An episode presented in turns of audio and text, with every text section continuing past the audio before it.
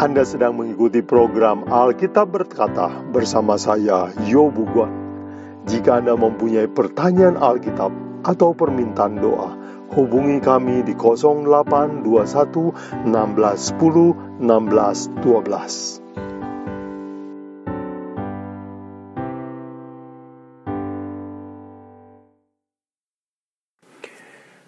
Bapak Ibu Saudara sekalian selamat bergabung kembali dalam pelajaran Alkitab berkata. Hari ini kita akan belajar bagaimana menang melawan iblis. Mari kita berdoa sebelum kita belajar. Bapa kami di surga Mohon hikmat dari Tuhan. Kami ingin belajar bagaimana menang melawan iblis.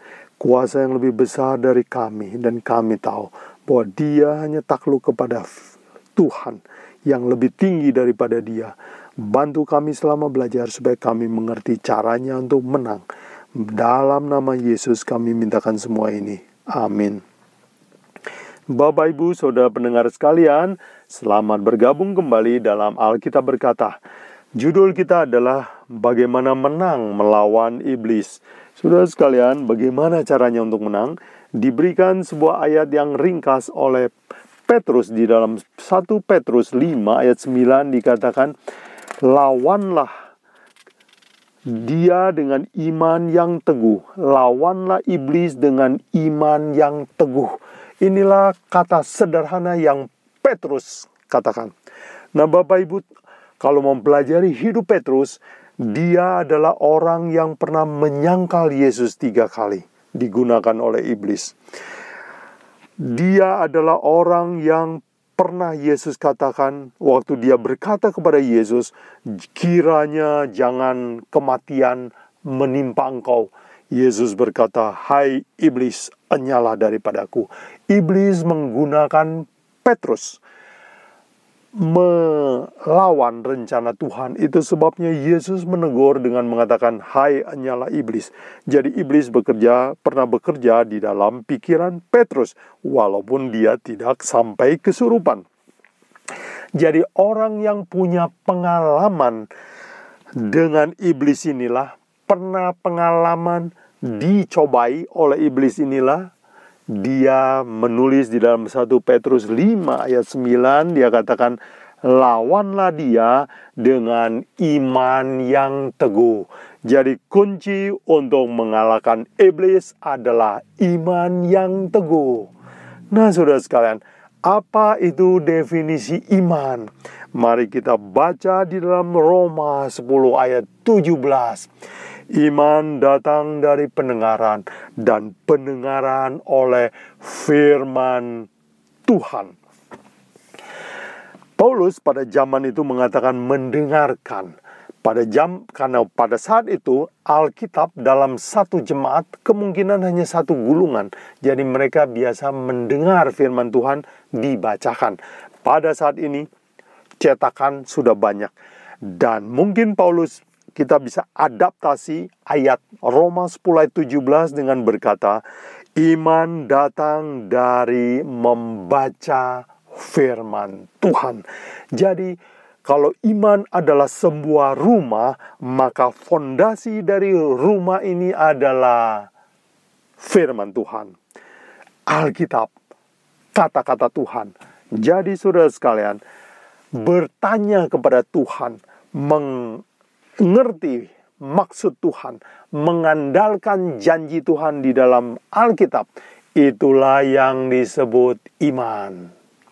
Nah, saudara sekalian, beberapa waktu yang lalu seorang sahabat saya tertipu.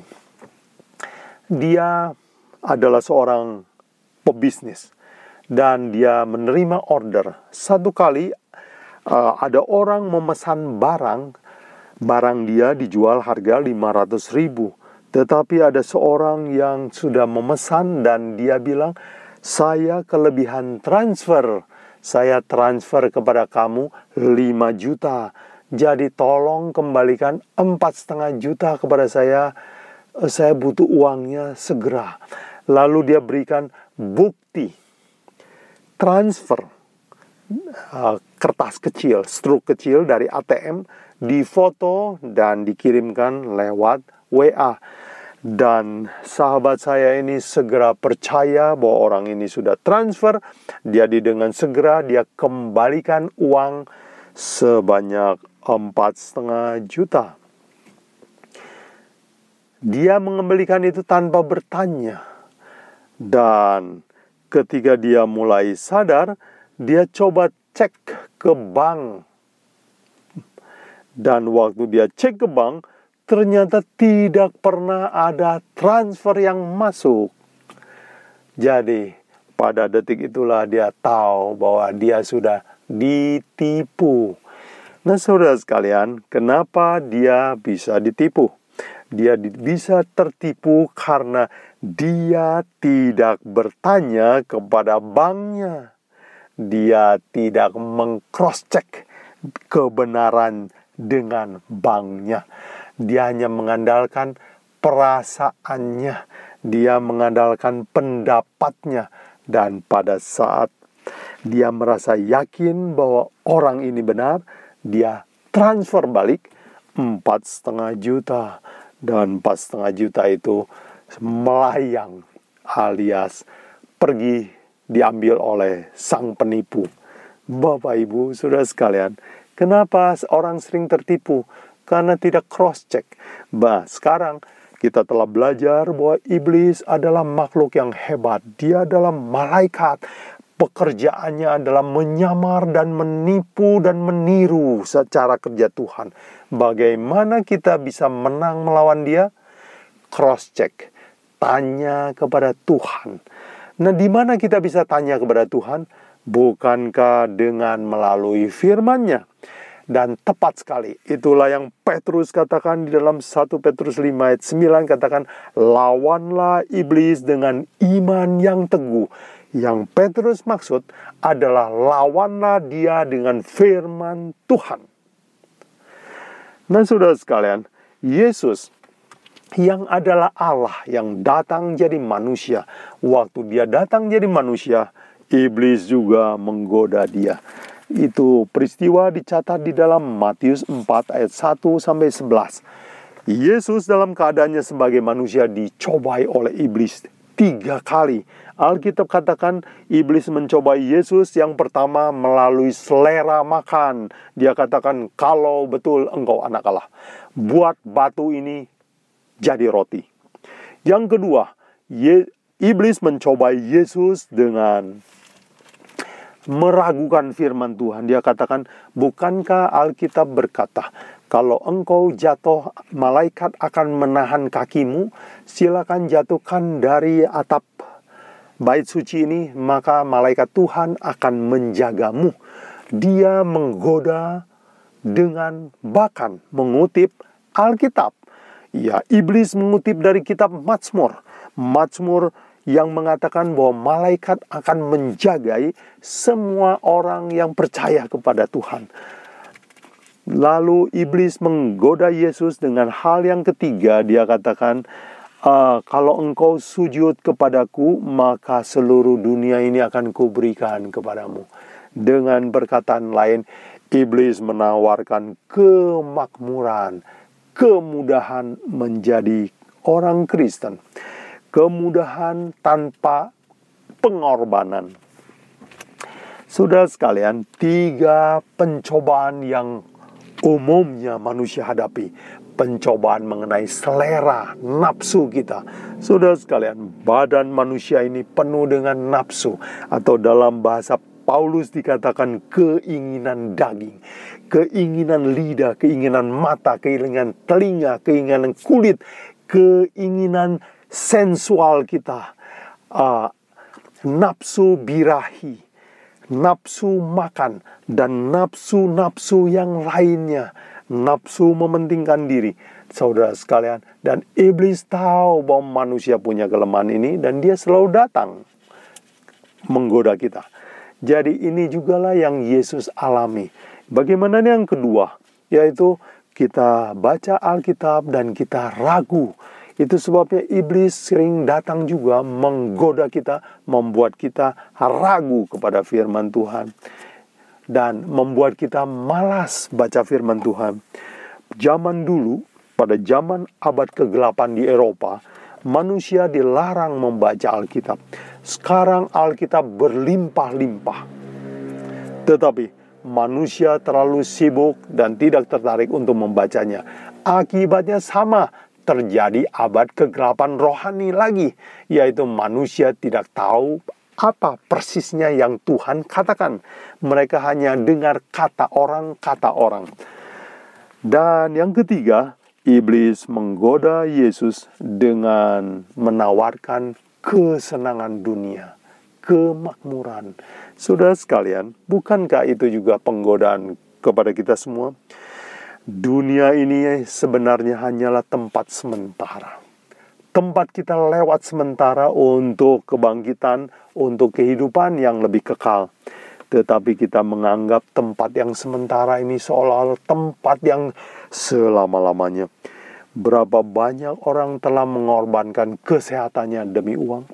Berapa banyak orang mengorbankan keluarganya demi ketenaran dan kebesaran dunia ini? Saudara sekalian, Pen, tiga pencobaan ini yang disalamatkan kepada Yesus oleh iblis adalah tiga pencobaan yang iblis juga berikan, tawarkan kepada manusia. Nah sekarang bagaimana cara Yesus menang melawan pencobaan iblis ini?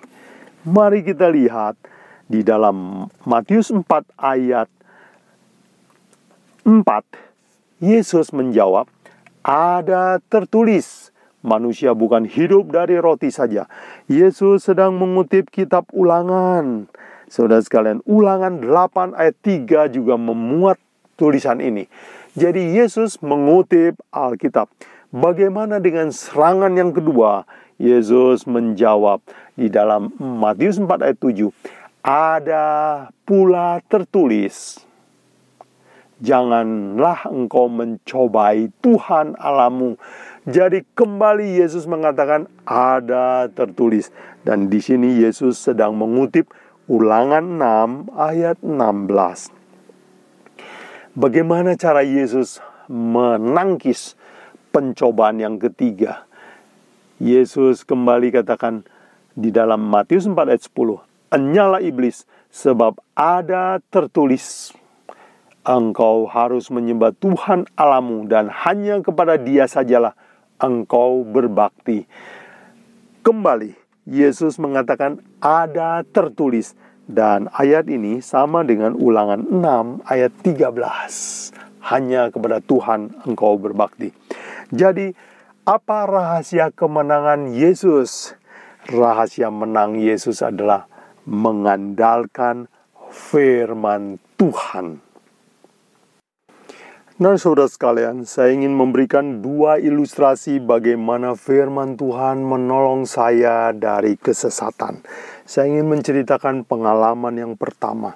Satu kali saya tertarik kepada mujizat dan saya melihat ya di dalam gereja ada beberapa mujizat yang kelihatannya seperti menakjubkan dan saya ingin tahu apakah ini benar atau tidak. Misalnya saya lihat orang muntah, orang uh, dipegang langsung jatuh, lalu dari mulutnya berbusa atau muntah. Kemudian mereka juga uh, lalu berbicara tidak jelas, lalu mereka menjadi kejang-kejang saya tertarik apakah ini seperti pekerjaan Tuhan atau bukan. Dan waktu saya sangat tertarik tersebut, saya mulai diingatkan untuk cek dengan Alkitab.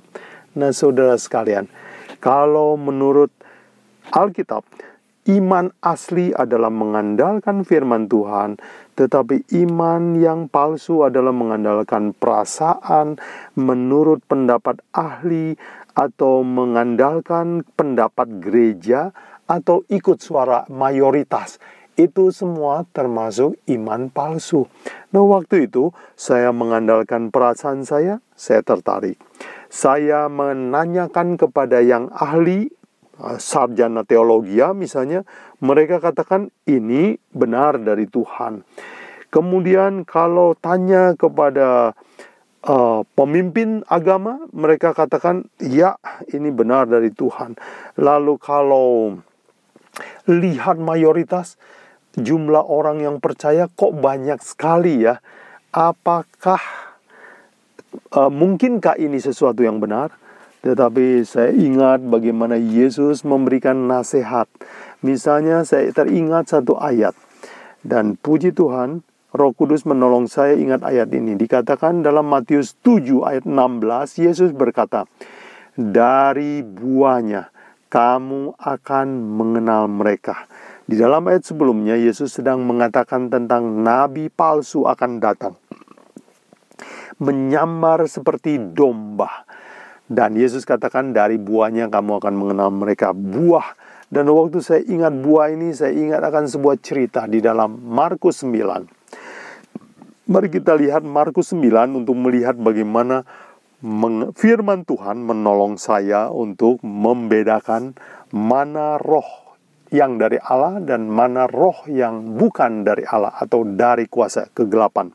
Misalnya dalam Markus 9 ada seorang yang kerasukan roh jahat di dalam Markus 9 ayat 17. Kata seorang dari orang banyak itu, Guru, anakku ini kubawa kepadamu karena ia kerasukan roh jahat yang membisukan dia. Nah saudara sekalian, Alkitab di dalam catatan ini memberikan beberapa ciri kalau roh jahat bekerja. Ciri nomor satu adalah bisu. Bicaranya jadi tidak jelas. Tadinya bisa bicara jadi tidak berbicara. Ayat 18. Setiap kali roh itu menyerang dia, roh itu membantingkannya ke tanah, jadi jatuh. Jadi ciri pertama adalah bisu, ngomong tidak jelas. Nomor dua adalah jatuh ke tanah. Nomor tiga, mulutnya berbusa. Jadi keluar sesuatu dari mulutnya, ini kan bukan sesuatu yang wajar atau manusia normal, bukan? Lalu dikatakan di dalam ayat 18 berikutnya, giginya berkerak kertakan dan tubuhnya menjadi kejang. Saudara lihat, Alkitab mencatat bahwa inilah ciri-ciri kalau roh jahat sedang bekerja dalam manusia. Tubuhnya kejang, giginya gemertakan. Dan bagaimana kalau cara Yesus bekerja? Yesus bekerja dicatat di dalam Markus 9 ayat 29 dikatakan di dalam maafkan di dalam ayat 27 tetapi Yesus memegang tangan anak itu dan membangunkannya. Lalu ia bangkit berdiri. Kalau Yesus bekerja orang yang jatuh menjadi bangun. Jadi kita lihat satu kontras yang luar biasa kalau roh jahat bekerja, buahnya adalah manusianya jatuh, bicaranya tidak jelas, dari mulut keluar busa, badannya kejang. Dan ini adalah menurut Alkitab cara kerja kuasa iblis. Bagaimana cara kerja kuasa roh Tuhan? Yesus memegang tangan anak ini dan dia bangkit. Jadi, kita dapati Alkitab memberi petunjuk bahwa inilah bedanya kalau roh Tuhan bekerja dan roh setan bekerja. Waktu saya teringat akan kisah ini, saya benar-benar dikuatkan. Saya berani mengambil kesimpulan bahwa dari buahnya, yaitu saya lihat orang muntah, waktu saya lihat orang jatuh terplanting, waktu saya lihat orang bicara tidak jelas, saya mengandalkan firman Tuhan. Ini pekerjaan kuasa kegelapan. Saudara sekalian, itu adalah contoh yang pertama. Semoga contoh ini juga bisa menjadi inspirasi bagi saudara sekalian ada banyak sekali pencobaan saudara yang lain. Perlu kita mempelajari firman Tuhan secara sistematis.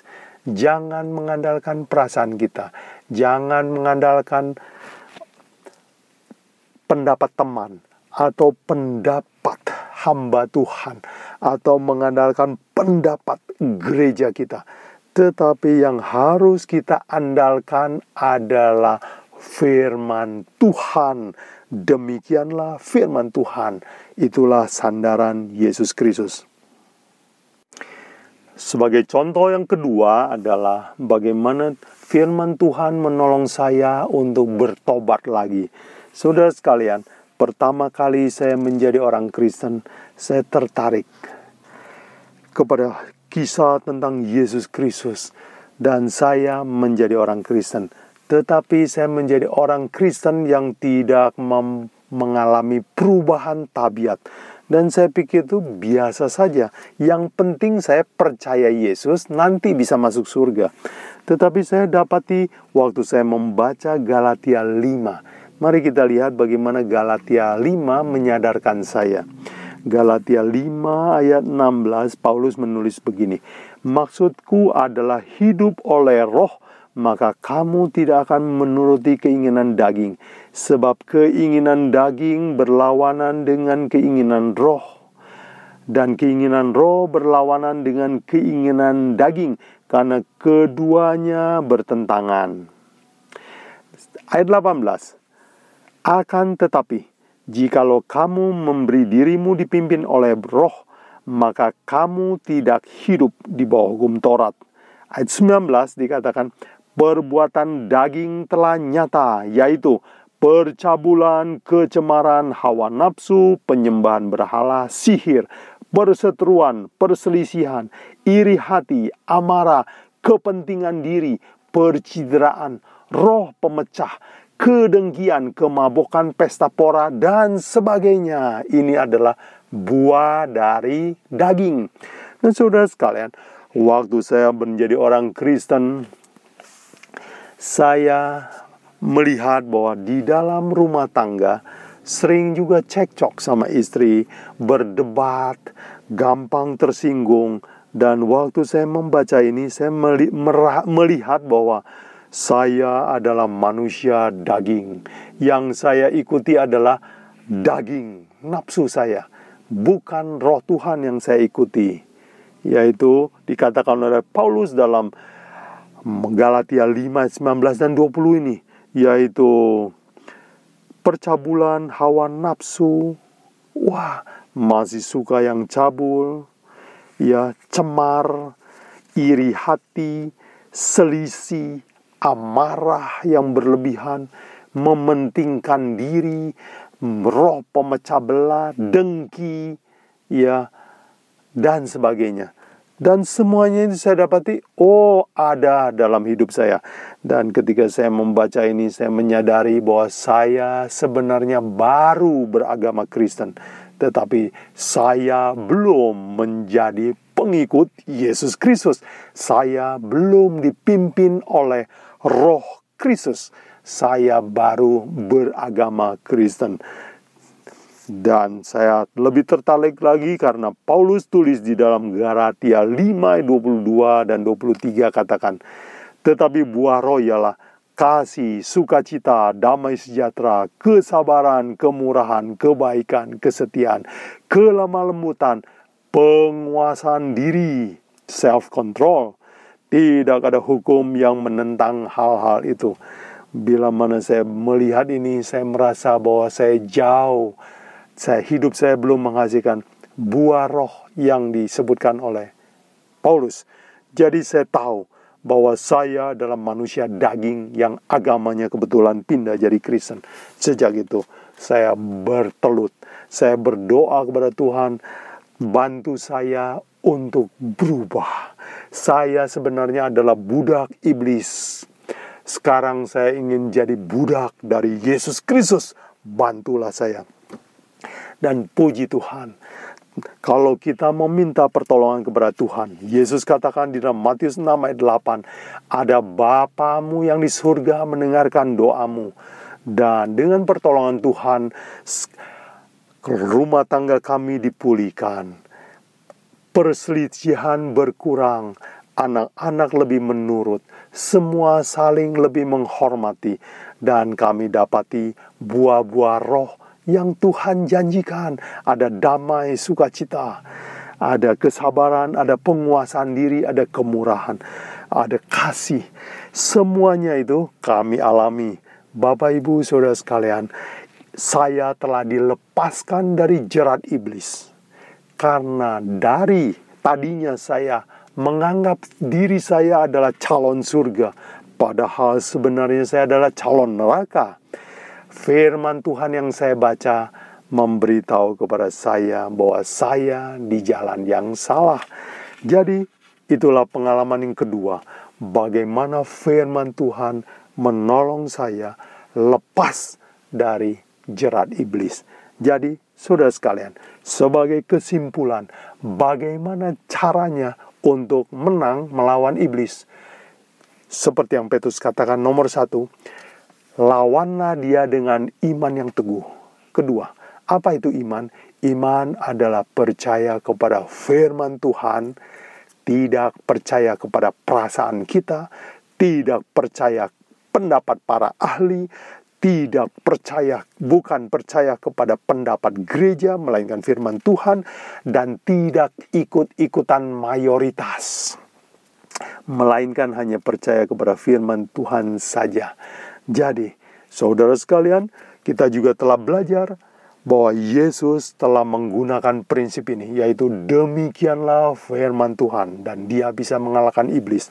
Saya telah memberikan satu contoh dari sahabat saya yang tertipu. Dia tertipu karena dia tidak cross-check kepada bank, kepada sumbernya. Jadi, sumber kejatuhan kita adalah kalau kita tidak cek hidup kita, pendapat kita dengan Alkitab. Dan terakhir saya memberikan dua contoh bagaimana saya lepas dari penipuan setan. Semoga pelajaran hari ini menjadi inspirasi bagi saudara sekalian. Jika saudara ada tanggapan atau pertanyaan, dengan senang hati jangan lupa hubungi nomor kami. Semoga Tuhan memberi kemenangan kita dari ke hari bila mana kita bersandar sepenuhnya kepada firman-Nya. Tuhan memberkati.